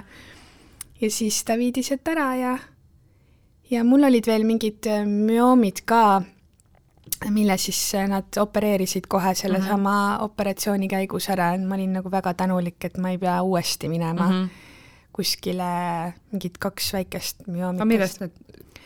Need tekivad, ma saan aru, et ka lihtsalt äh, rasedusega? Need võivad tekkida rasedusega või raseduse ajal okay., et ikka mingid kas polüübid või müoomid, et midagi oli sinna tekkinud ja nad ütlesid, et nad opereerivad need välja ja mm, -hmm. ja pärast ähm, noh, ma olin väga õnnelik, et ma saan aru, nad ei olnud ohtlikud ega midagi mm, -hmm. aga see oli, see oli tore jah, siis mulle öeldi, et umbes, et me opereerime need ka ära, et need on nagu lihtsasti eemaldatavad ja siis see naine mingi hetk ütles, et nüüd me hakkame emakad tagasi kehasse suruma, et see võib veidikene imelik tunduda, et nagu keegi nagu sõtkuks hapukapsast või midagi. ja siis ma mäletan, et, et nagu see noh, oligi nagu mm -hmm. mingi kellegi käed olid sul nagu lihtsalt seal kuskil soolte vahel sees ja mõtled, issand jumal nagu. aga noh, näed, siin me oleme mõlemad elus ja see on ja ikka super sürg kogemus, mulle ka arst ütles, et noh, et sa ilmselt nagu sa ei tunne midagi, et me lõikame, aga sa tunned ilmselt, kuidas me siin mingi sikutame ja sakutame. Ja see oli tõesti, no ma ei tea, kõige, no ikka veider, ikka imelik. aga tegelikult, kui nagu peaks uuesti midagi sellist läbima, et ei olnud ju midagi nii õudset, et äh, appi ma läksin nagu lõpuks, kui palatisse sai, siis sai mingit süsti ka, et need külmavärinad läksid üle, siis oli nagu päris normaalne olla. aga see oli ikka, mul oli ikka nagu nii külm, et ma lihtsalt värisesin niimoodi, lõuad plagisesid, see oli ikka, see oli ka imelik mul oli ka, aga see võib tulla isegi vist mingist anestesioloog-, sellest nagu ja, ja no ka... see arst ütles, et see on nagu täiesti noh, see on täiesti tavaline, siis pärast tuligi õde, õde ütles, nüüd ma panen sulle seda tilka, mis äh, võtab need külmavärinad maha ja mingi viie ka... vintsaga oli korras. Mul olid ka sellised tohutud nagu noh, nagu lihaskrambid mm -hmm. või sellised vappekülm täiesti vappekülm ja isegi hiljem, kaks päeva hiljem mul oli kuidagi nii, et kui ma olin pikali, mingisugused seljanärvid noh, nagu mm -hmm. kiskusid ja meeletu valu oli, ma muidugi ise mõtlesin, et nüüd vigus, vigastati mingit närvi mm -hmm. ja mhm. nüüd, et noh, niimoodi ma ei saa ju üldse käia ega midagi teha, et selline hirm tekkis.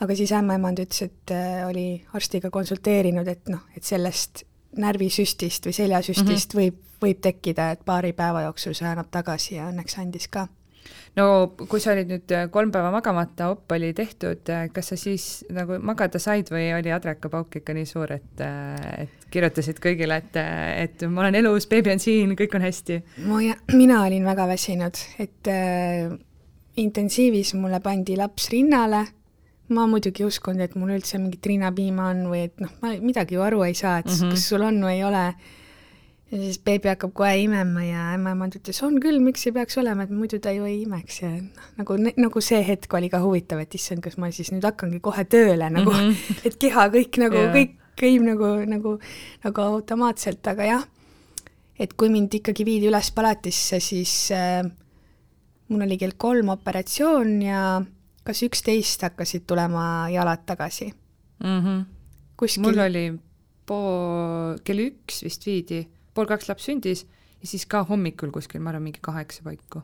siis oli kus... nii, et tunned, pool jalga on veel tuim natuke mine nüüd. just, no üksteist vist öeldi, et tuleb ennast püsti ajada mm -hmm. ja mhm. liikuda, et see on vist oluline selle abi puhul. aga jaa, ei, kui meid viidi, noh, vot praegu on nagu ühes kohas on mäluauk, ma mäletan seda intensiivi osa, kus laps pandi rinnale ja, ja temaga koos olemist ja ma mäletan, tegin video selle ma jõudsin küll ära saata mm -hmm. nagu lähimatele, et beebi on sündinud, nemad ju teadsid, et ma lähen hommikul keisrisse mm. -hmm nii et kui mul ema või elukaaslane hommikul ärkasid, et umbes mulle soovida, et noh, ole siis tubli, on ju, siis nad juba said beebivideod yeah., on ju, et noh, et nad olid nagu, mis asja, et mis, mis kõik juhtus, kui nad magasid mina ka saatsin pilte, siis mõtlesin, ah, miks keegi ei vasta siin kell neli öösel kell neli öösel. mul oli sama nagu, et kas nad nagu päriselt panid oma telefonid vaikuse peale. nagu mida sa magad, ma sünnitasin just. no ma nagu mõtlesin lihtsalt, kuule, sul on nagu mingi, sul on nagu naine või tütar on haiglas sünnitusmajas, sa nagu lähed magama ja siis sa paned telefoni vaikuse peale noh, ja siis sa oled hommikul üllatunud, et ups, ma nagu magasin maha selle hetke, on ju, aga no vahet ei ole, meil oli nii tore seal Oliviaga, et ega me nagu ei tundnud mingit suurt puudust yeah. mingitest kõnedest. aga lihtsalt, kui ma praegu nagu mõtlen, et mul on tõesti üks mälulünk nagu, et et kui mind viidi intensiivist palatisse, seal ma magasin, aga kus siis beebi oli? kas beebi oli siis võib-olla aa, beebi oli kõrval, vaata selles, mis need mm -hmm. on, mhm. need beebi voodi, niisugune läbipaistev, on ju? jaa ju ta siis magas ka, on ju. no ma, võib-olla ta ei olnud nagu minuga koos, et aga noh, ma ärkasin mingi üheksa paiku, ma olin ikka väga zombi, siis anti beebi uuesti rinnale, no ju ta siis magas, ma ei uh mhm. kuulnud isegi mingit kisa ega sest neil on tegelikult on neil ju seal mingi teine ruum ka, kus lapsed on minu arust, sest et mulle toodi ka laps äh, mingisugune neli pool viis. jah. umbes nii ja siis Võibolla... ta magas muidugi õudselt hea oli alguses, ei pidanud ise mähkmeid vahetama, seda esimest kakat ei pidanud ise no, pesema. no jaa, nagu mul oli nii, et ma olin seal pikali, ämmaemand tegi kõik asjad ära, noh, meeletu valu on ikkagi see mm -hmm. keisrilõikega, et Nad ei lubagi ju alguses midagi teha, sest kui sul nagu jalad ei kanna, siis jaa, no et oligi, et kõigepealt üksteist pidid ju ennast üles ajama, siis kõndima ja siis sa said oma beebiga mhm. tegeleda, onju nagu valu oli ikkagi ju noh, sul on haav. sul on viisteist sentimeetrit noh, oled lihtsalt kokku lõigutud, lisaks on sind songitud nagu hapukapsel tünnis on ju. et nagu meeletu, meeletu valu oli ja siis ma mäletan, et vahetasid neid mähkmeid. ja siis ma ei jõudnud vaata ju ise püsti -hmm. selleks, et ennast püsti ajada, noh, ma pidin võtma põlvest kinni mm, -hmm. et mhm. nagu ennast üles tõmmata.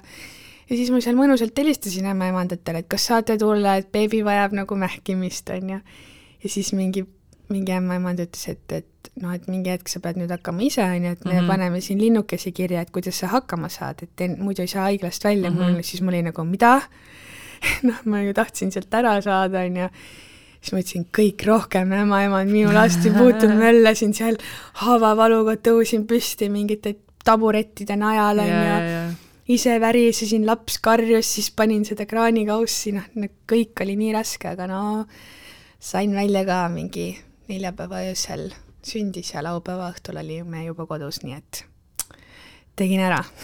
see oli hea, ma mäletan, et eh, kui voodist hakkad püsti tulema, siis kõigepealt rullid ennast külili ja siis hakkad kuidagi yeah. püsti tulema ja ma tahtsin kapilt tuge mm -hmm. nagu seal perepalatis võtta, aga kapil olid rattad all ehk siis ma ei saanud ju kapist kinni võtta, siis kuidagi nagu no ikkagi lõpuks selleks ajaks, kui ma püsti sain, noh, minul sai elukaaslane kaasa tulla, on ju, siis ah, selleks ajaks oli juba kõik tehtud. no vot, sul väga vedas, sest äh, tegelikult keisrilõikega ise seal möllata, esiteks, laps on ju nii väike mm, -hmm. sul on selline hirm, et temaga midagi juhtub, sa teed midagi valesti, juba stress sellest yeah.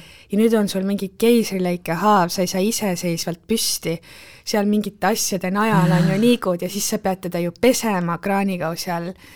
et noh, see oli noh, ikka nii, et silmist pildus tuld mm -hmm. ja mhm. siis muidugi noh, need rinnanipuvalud, vabandust, aga ja sa saad nagu kogu selle pesuga hakkama ja yeah. siis sa paned ta nibu otsa ja siis sul lihtsalt pillub tuld, siis sul on nii valus. ja siis sa mõtled, jesus christ nagu, et mida mu keha on üle elanud, on ju, et noh, see see on ikka metsik, noh. ja, ja siis mõni sõbranna ütleb sulle, ära muretse, see imetamisvalu läheb üle ja siis ütled, ma ei usu, et läheb ja siis paar nädalat, jah, paar nädalat möödas ja siis mõtled, oi, no läkski üle, on ju. no jaa, aga paar nädalat on ikkagi, kui sa, kui sa söödad mm -hmm. ju mhm. iga kolme tunni tagant, on ju, miinimum ja sa noh, sisuliselt on selline tunne, et ta ma ei tea, sööb elusalt mm -hmm. su mhm. rinnanibu, on ju. et noh, et see on ikkagi väga pikk aeg, et see mis kreeme ja asju ma sinna peale ja, panin ja, ja, noh, et ei, see oli valus jah. no aga kuidas sul siis, äh, kui te lõpuks koju saite, mis äh, tunne kodus oli ja mis sind seal äh, kodus ootas? esimesed paar päeva oli tegelikult väga õudne, sest mulle tundus, et ma ei jaga üldse matsu. see beebi kindlasti minuga ellu ei jää, sest ta on nagu nii väike ja raudselt midagi palju ta kaalus üldse? Ja kui pikk oli? ta, kui me haiglast välja saime, oli ta kolm tuhat kakssada grammi. sündides oli kolm pool, aga mm -hmm. noh, nad võtavad ju alla. ja kas viiskümmend neli sentimeetrit? päris pikk. ma loodan, et ma nüüd ei eksi. kolm tuhat viissada kaheksakümmend grammi ja võib-olla eksin, issand jumal, mulle tundub, et oli viiskümmend neli sentimeetrit. praegu ta on viiskümmend üheksa, nii et aga no kõik oli arusaamatu. noh, ikkagi see esimene vannitamine, see oli selline tunne, et no praegu käib, praegu käib kõik nii ju, et võtad beebi, möllad, mähid, noh, kõik see tuleb käppa, aga, aga esimene nädal oli noh, lihtsalt see, see mõte sellest, et sa teed midagi valesti mm. -hmm. ja kui ta veel nutab, noh. sul hakkavad käed värisema. sul hakkavad käed värisema ja sa tahad, et see nutt ära lõpeks mm, -hmm. aga see ei lõpe, sest, sest beebi saab aru, et sa oled närvis ja see kisa läheb veel hullemaks mm -hmm. ja lõpus on lihtsalt nii, et sa noh, et paratamatult iga uus asi, et äh, noh, ma tõesti nagu, algus oli keeruline, kõik see mähkimine, meil võttis üsna kaua aega, et aru saada, millised mähkmed talle sobivad mm. -hmm sest alguses ma ainult pesin ta peput, ainult hoolitsesin selle eest, et tal oleks kõik hästi ja ikka see oli punane mm. -hmm. ja ta röökis, sest tal oli valus ja ma ei saanud aru nagu, mida ma valesti teen mm. -hmm. ööd ja päevad vaheldasin neid mähkmeid. ja siis keegi ütles, et aga proovi teisi mähkmeid, et need pampersid osadele lastele reageerivad kuidagi mhm. teistmoodi mm. -hmm samas Pampers on ju see, mida pelgus pandi, on ju, et noh, sa mõtled, et nemad ju kasutavad kõige paremaid mm. -hmm. ma polnud kuulnudki sellest, et mähkust võib tekkida mingi allergia lapsele ja siis proovisime neid hugisid või hagisid ja täitsa lõpp, noh, nagu punetus ka-, punetus kadus päevadega, laps on noh, täiesti nii, et ta ei nutnud enam, ei karjunud, et kõik need väikesed nipid, et ähm, ei tea ju mm. -hmm. kust ma tean, ma ei lähe ju küsima ka kelleltki nende mähkmete kohta, et sa ju mõtled kohe, et sa ise teed valesti mm, -hmm. et mhm. ma ei ole piisavalt hooles, ma pean veel rohkem pesema, ma pean veel noh, nagu rohkem neid mähkmeid vahetama, aga, aga nii lihtne asi tegelikult on ju. ja noh, mingid asjad veel, et ikkagi jah, noh, see vannitamine, et kas, kui palju seda vett peab panema ja kas ikka temperatuur on õige kas ja? see on õige, on ju, sa nagu kraadid küll, aga tundub kuum mm -hmm. ja, mhm. ja siis issand jumal, kõrvad läksid vette, kas need võisid üldse minna sinna, on ju, no noh, neid muresid oli nii palju, õue minek, noh, see oli lihtsalt täiesti peavalu, märtsikuus yeah. mul laps sündis.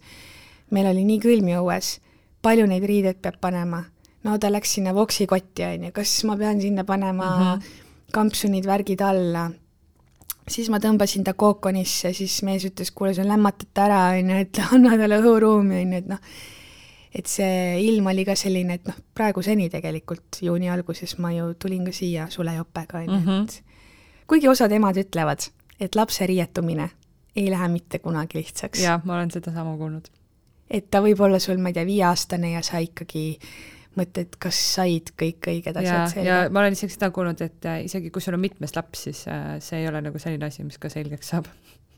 no just, on ju, siis see mütsi päevanek ja karjumine ja ei, aga noh, nüüd on, nüüd on kõik nagu ikkagi enam-vähem käpas, et ikkagi sa saad juba aru, et kui laps nutab, mis tal viga on mm, -hmm. kas süüa, vaatad püksi, võib-olla on gaasivalu, on ju, et tuleb väga kiiresti kõik see ma mäletan, et me läksime koju, siis panime lapse magas, panime ta diivani peale, siis mõtlesime, et aga mis me nüüd teeme. ja siis ma vaatasin ringi mõtlesin, et äh, peaks äkki koristama või telekat vaatama või mida, et mis ma nüüd siis teen, nagu et laps magab, et tal on nagu kõik hästi, on ju, et no mis me siis teeme ja siis ma nüüd enam ega ma täpselt ei mäletagi, mis me tegime, lihtsalt just istusime diivanil ja vaatasime telekat.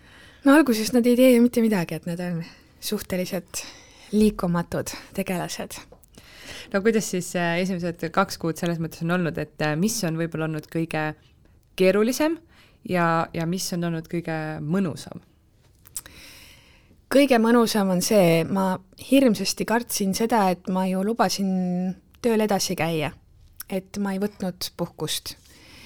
ja paljud rääkisid, et see on võimatu missioon, et laps karjub öösel ja sa oled magamata et sul noh, sul lihtsalt pea ei, ei tööta ju hommikul, on ju. ja esimese nädala jooksul eh, eks ma olin ka magamata, et olin ka suht zombi mm. -hmm. aga Oliviaga on läinud see õnneks, et ähm, tema sündimisest alates äh, öö on öö, öösel me magame. see tähendab seda, et me lähme kuskil pool üksteist voodisse peale vannitamist ja siis ta äratab mu ise ülesse tavaliselt kuskil mingi kahe-kolme ajal tahab korraks süüa, äh, sööb ära, magab edasi, äratab mu kuue ajal uuesti ülesse, sööb uuesti, siis me ärkame kell kaheksa. ja ma olen täiesti puhanud. ma olen iga hommik täiesti välja puhanud. ja kui alguses tuli mähkmeid vahetada öösel, noh, paar korda, siis nüüd on meil isegi nii, et öösiti me ei kaka. Ehk siis me hommikul vahetame mähkmed, mis tähendab seda, et noh, meil on nagu et ta annab mulle selle unevõimaluse mm -hmm. ja vot see uni annab mulle jälle võimaluse käia tööl ja tunda ennast hästi ja puhanuna. et seda, kus äh, tuttavad on rääkinud, kus nad röökiva lapsega öösel kõnnivad lihtsalt mööda tuba, meil tui-tui-tui, touchwood äh, ei ole olnud siiamaani ja see on andnud kindlasti mulle võimaluse teha seda, seda tööd edasi, mida, mida ma tegin. Aga esimesel nädalal ma ikkagi noh, mul oli ikkagi selline nagu, ma olin nagu sellises vees, et ma ei saanud aru, kus ma ujun, et kas see on mm -hmm. meri või ookean või järv või jõgi, on ju. et jube palju kulus äh, arusaamisele ja siis ma ka nagu ehmunult mõtlesin, et issand, selle kõige kõrvalt ei jää ju küll mitte millekski muuks mm -hmm. aega. aga teisel nädalal ma juba läksin kontorisse ja, ja tuli kätte see söömisvahekordade aeg ja selline, isegi see tööl käimine tekitas sellise distsipliini et iga kolme taga, tunni tagant ta oli harjunud, et emme tuleb, toidab. ja sa käid siis äh, siiamaani, kui sa oled kontoris, käid iga kolme tunni tagant kodus toitmas? jaa, ma käin kodus toitmas. ma just äh, enne siia tulles mõtlesin, et peaks rääkima sellest ka, et äh, kui sa saad emaks, siis sa kindlasti nagu mõtled, et äh, et kas ikka kõik näevad, et ma töötan ja minu meelest ma teen isegi veidi rohkem kui tavaliselt mm, -hmm. sest sa nagu üritad näidata, et sa pole mingil emapuhkusel, on ju, et tööandjale, et sa oled ikkagi täisväärtuslik et iga kord, kui ma lähen koju taksoga beebit imetama iga kolme tunni tagant, ma näen inimesi suitsunurgas, meil Postimees grupis on see kohe parkla kõrval, on ju, ja kogu aeg ühed ja samad näod. ja siis ma mõtlen, et tegelikult imetav ema on töö juures võib-olla vähem isegi oma tööpostilt eemal kui suitsetav inimene, kes seal suitsunurgas eh, on ka, eks ole, kümme-viisteist minutit, et ega mul rohkem ei lähe, laps sööb ju kümme minutit, on harjunud ja siis tagasi tööle või, või siis jätkad kodust, on ju. et, et tegelikult ma ei ütleks küll nüüd, et, et väikese beebi ema kuidagi tööl on, te-, teeb, teeb nii-öelda nagu luuslangi, on ju, mhm. et, et tegelikult on võimalik tööl käia ja teha neid asju. aga jah, esimesel nädalal mulle tundus, et äh, see kõik on liiga keeruline, aga teisel nädalal tuli just selline nagu regulaarsus mm. -hmm. et äh, tegelikult laps ju väga tahab, et kõik oleks regulaarselt, et nüüd me lähme magama see kell, vanniaeg, eks ole, ja siis on need toidukorrad ja, ja siis, kui ma olen tööl, siis on lapsega ju isa, et äh, ta saab suurepäraselt hakkama mähkmete vahetamisega. Ja praegu ma küll tunnen, et noh, ma peaksin küll kella vaatama et äh, ma peaksin varsti minema imetama Katariina, peame tõmbama jutu, jutulõnga kokku, aga jah, et äh, praegu ma proovin ise imetada, et ma ei pumpa ega midagi, et äh, et ma hoian, hoian kuidagi nii ja toimib. kuidas teil üldse tuli see mõte, et Oliver isapuhkusele jääb ja, ja sina tööl edasi käid? see tuli äh, äh, mulle saadetakse iga tunni tagant foto, et kõik on hästi et äh, ma just sain foto ehm,. see tuli üsna loogiliselt, et äh, ma nagu vestlesin, et kuidas ta tunneb, kuna ta töötab äh,, kuna ta töötab nagunii kodust äh,, tegeleb IT-ga, siis see tundus täiesti nagu loogiline, et äh,, et ta jääb koju mina aitan nii palju kui võimalik äh, oma töö kõrvalt, õnneks ma ei tööta kuskil Rimi kassas, et ma pean olema üheksast mm -hmm. viieni täpselt kuskil istuma, et ju, ju seda, seda graafikut on keerulisem teha neil, kes on täpselt noh, nagu kellast, kellast kellani kuskil kontoris, aga, aga sellise töö puhul, nagu meil on sinuga, või noh, ma kujutan ette, et kui sa oled võib-olla ka mingi jurist või advokaat või neid valdkondi on ju palju, et kui sa saad, saad seda tööd teha kodust mm. -hmm. ja sa saad oma graafikut enam-vähem nagu ise just, sättida, on ju. siis see on nagu täiesti võimalik, et mul ei jää selle tõttu nagu mitte midagi tegemata. et noh, tänapäeval eriti pärast koroonat, et nii palju on ju Teamsis, eks ole mm, -hmm. koosolekuid, hommikul oli meil Postimehe osakonnajuhtide koosolek Teamsis, ma osalen, kõik töö on tehtud, teemad kokku kogutud, on ju, nüüd ma olen siin sinuga, siis ma lähen intervjuule meeskonnaga räägin nagunii Facebookis, on meil selline chat, kus me omavahel suhtleme Elu24 meeskonnaga, et äh, kõik on tehtud. lihtsalt äh, selle asemel, et sa istud seal kontoris arvuti taga, noh, sa tegutsed ja võib-olla oled isegi efektiivsem tööandjale kas ma ütlen õigesti, kui ma väidan, et Olivia on sinuga võttel kaasas käinud, selles mõttes, et kuskil Tallinnast väljas, kui sa oled käinud võttel, sa oled lapse kaasa võtnud? Ühe korra võtsin jaa, et äh, meil oli nüüd Pärnus võte, äh, just esmaspäeval oli see Oleg Krossi äh, puudutav saade siis Pärnust. Võtsin kaasa ja mõtlesin jällegi nii, et panin võtte reedeks, et panime ka mingisuguse sellise hotelli või spaakese mm -hmm. sinna ja et ma siis jäin hiljem lapsega sinna ja puhkasin ka mm -hmm. nagu päeva Pärnus et proovin nagu kokku viia seda pere ja, ja tööelu, et kui on võimalik nii, siis eh, jah, võtan beebi kaasa. kuidas sul keisrist taastumine läks? ma olen kuulnud õuduslugusid, kuidas inimesed ei saa, ma ei tea, nädalaid ja nädalaid tõesti oma last sülle võtta, kõndida, midagi nagu teha. Valus oli, aga ma ei ole, mina ei ole sellist tüüpi ema, kes nüüd selle valu pärast jätab lapse sülle võtmata, et mina ikka võtsin kogu aeg arst ütles mulle ka, et oma last sa võid tõsta mm, -hmm. ära midagi muud tõsta. ja oma last ma tõstsin, toitsin, vahetasin mähkmeid ja see valu, mis oli, noh, oli, mis oli, on ju, et loomulikult oli alguses valus ja ei saanud püsti ja öösel ei saanud püsti ja diivanilt ei saanud püsti mm -hmm. ja mhm. kõik võttis aega. Aga haav taastus kenasti ja kasutasin mingit silikonkeeli, mida mulle mm -hmm. soovitati, et täna sisuliselt peaaegu ei ole näha, noh kui, kui, kui sa nagu vaatad, aga mingit suurt sellist jõhkrat mm -hmm. haava seal ei ole ja see, mis praegu on, ei tunne mitte mingisugust, äh, võib-olla enne sünnitust mõtled, et issand, kui õudne, et jääb mingi, mingi haav või arm, aga, aga täna samas, kui randa lähed, siis püksid katavad selle ära ju. no just, ja, ja samas mõtled, et issand, ma olen, see on mu, ma olen lapse ilmale toonud, et see meenutab mulle mu last ja ja ma ei tea, kui mu mehel peaks olema probleem sellega, noh siis ta, ma ei tea, võiks kuu peale kerida, et et minu meelest ei ole kellelgi mitte mingit küsimust, et jumal hoia absoluutselt nagu ei tunne mitte mingit, et nüüd ma peaks minema kuskile ilukirurgi juurde mm -hmm. seda eemaldama, et äh, moelavale ma ei lähe ja ja rannas on mul ka suht kama kaks, mida keegi mõtleb, kas mul on see arm või mitte mm, -hmm. et mhm. issand, et absoluutselt mõtlegi selle peale enam. kuidas see beebi nime valik, äh, valikuprotsess käis, kas äh, pidite palju kaklema või oli teil suur valik? Või oli kohe Olivia kindel ja, ja teada? väga lihtne valik, kuidagi see nimi tuli, tuli ise minu juurde, mulle väga maitsevad oliivid ja ma kutsun teda oliivikeseks. see on tema, no oliivikene, tule siia, ta on nagu niisugune väike oliiv, oliiv. ja kuidagi see tu-, nimi tuli hästi-hästi loogiliselt, mulle see nimi meeldis ja kuidagi me olime sellest rääkinud, et oh, võiks olla Olivia ja, ja kohe jäigi seesama mis tunnetega Oliveri vaatad äh, lapsega tegelemas?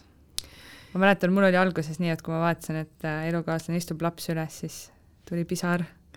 jaa, see on liigutav ja minu meelest naised võiksid anda meestele rohkem seda võimalust. et meil on kuidagi, kuidagi on minu meelest ühiskonnas nii, et kui laps sünnib, siis ema jääb temaga koju ja teeb kõik asjad ära mm -hmm. ja aga tegelikult mehed saavad suurepäraselt hakkama. et võib-olla need tänased viiekümnesed tunnevad, et ja sealt edasi, et noh, see, need on need põlvkonnad, kes tunnevad, et ikkagi lapse eest hoolitsemine on ema töö mm, -hmm. kuskil saates Meelis Laoga rääkis, et ikkagi tal ei sobi nagu ei sobi nagu seda mähet vahetada no,. mis sajandis me elame, eks? aga täna mulle tundub, et vähemasti minu tutvusringkonnas on äh, kolme-neljakümneaastased mehed ja minu meelest nad saavad väga hästi hakkama. Nad on täiesti poole kohaga vanema rollis, hoiavad last, mähivad last, äh, vahetused on, eks ole, et üks öö ärkab üks, teine tei-, teisel ööl, et äh, minu meelest me naised võiksime anda lapse hoidmist mm -hmm. rohkem meeste kätte. Nad on vaata et hellemad ja, ja turvalisemadki mingis mõttes, et nad ju väga noh, oskavad tegelikult mm -hmm. last hoida ja ärme oleme iseendaga nii karmid, et me teeme kõik ära, on ju. absoluutselt et tegelikult nad saavad suurepäraselt hakkama ja mulle tundub, et trend on see, et mehed, nii palju, kui ma isegi tänaval vaatan, et mehed on vankritega pargis, äh, mehed hoiavad lapsi, et äh, pool kohustust on neile antud ja mulle tundub, et meestele see meeldib mm, -hmm. et nad täitsa nagu sellise uhkusega ütlevad, et praegu ei saa tulla, et ma olen lapsega mm. -hmm olen isegi pargis jalutanud ja siis äh, mõnikord vaatad naljaga, et äh, ah, et täna on vist äh, isade jalutamispäev, et siis äh, seal pargi tiiru pargitiirul tuleb väga mitu korda tulevad või mitu isa tuleb äh, vankritega vastu ja see on äh, tõesti väga, väga tore. nii, ma ja pean nüüd varsti minema. viimane küsimus, nagu ikka värsketelt emadelt kogu aeg küsitakse, et millal teine laps siis tuleb? nüüd sa panid nagu naela pea pihta. Äh, ma ütlen täitsa ausalt, et ma olen selle peale mõelnud. et ähm, noh, eks mul on see vanus ka ju selline, et ega ma ei saa nüüd olla nii, et ma mõtlen, et et noh, et viis aastat. et viie aasta pärast, eks. et ma peaksin ikkagi sellele mõtlema, selge on see, et peale keisrilõiget ikkagi aasta aega ju mm -hmm. me ei tohi lapsi saada, et eh, vähemasti mulle arst ja, nii ütles, on ju. aga ma proovin sellele teemale mõelda nii, et eh, kui ta tuleb, on väga-väga hästi väga-väga ootan tegelikult, et Olivial oleks vend või õde, kellega koos üles kasvada. kui ta ei tule, siis äh, ma ei tekita endale stressi mm, -hmm. sellepärast et mul on imearmas tütar ja teda ei võta mult keegi ära. et äh, ja kui ta tuleb, siis äh, kui kõik läheb samamoodi nii nagu, nagu praegu, siis tegelikult ma ju saan edasi tööl käia ja kõiki asju, asju paremini, ma saan isegi paremini hakkama, sest nüüd ma tean, mida ma tegema pean. Ma ei ole raseduse ajal nii närvis, ma tean, mida ma võin endale lubada, kui beebi sünnib, noh, ma kujutan ette, et isegi paar sõbrannat on öelnud, et esimese lapsega on stressi level on nagu kuskil nagu ma ei tea, kus on ja mm -hmm. ja siis teise lapsega umbes äh, mööda minnes. on keegi öelnud, et umbes, et äh, vaata, et vahuveini ei ole ühes käes ja laps teises on ju, et noh, nagu mitte mingit sellist nagu hirmu ei ole, on ju noh, mitte et ma propage-, propageeriks ja. mingit äh, alkoholi joomist, aga no ikka, on ju, eks, et äh, isegi kui ma olen siin klaasi šampust lubanud, siis vaatad jumala eest kella, et mingi kolm-neli tundi miinimum, kuus mm -hmm. klaasi vett peale, on ju, noh, et nagu hirm valesid asju süüa, eks ole, et ähm, et äh, jah, et, et siis nad ütlevad, et umbes elu on lill, on ju et äh, ma ei mata seda mõtet maha ja tööandja ei pea ka kartma, et ma kuskil ei kao ja, ja tore oleks, aga kui seda ei juhtu, siis ma olen niigi nagu väga-väga õnnelik. Katrin, aitäh sulle, näha on, et sa oled väga õnnelik, sa tõesti särad ja aitäh kõigile kuulamast ja me elame su tegemistele väga kaasa. okei okay,, aitäh, ma jooksen siis jah? jah, jookse kuula beebipalavikku üle nädala neljapäeviti Spotify'st, iTunes'ist või kust iganes oma podcast'id leiad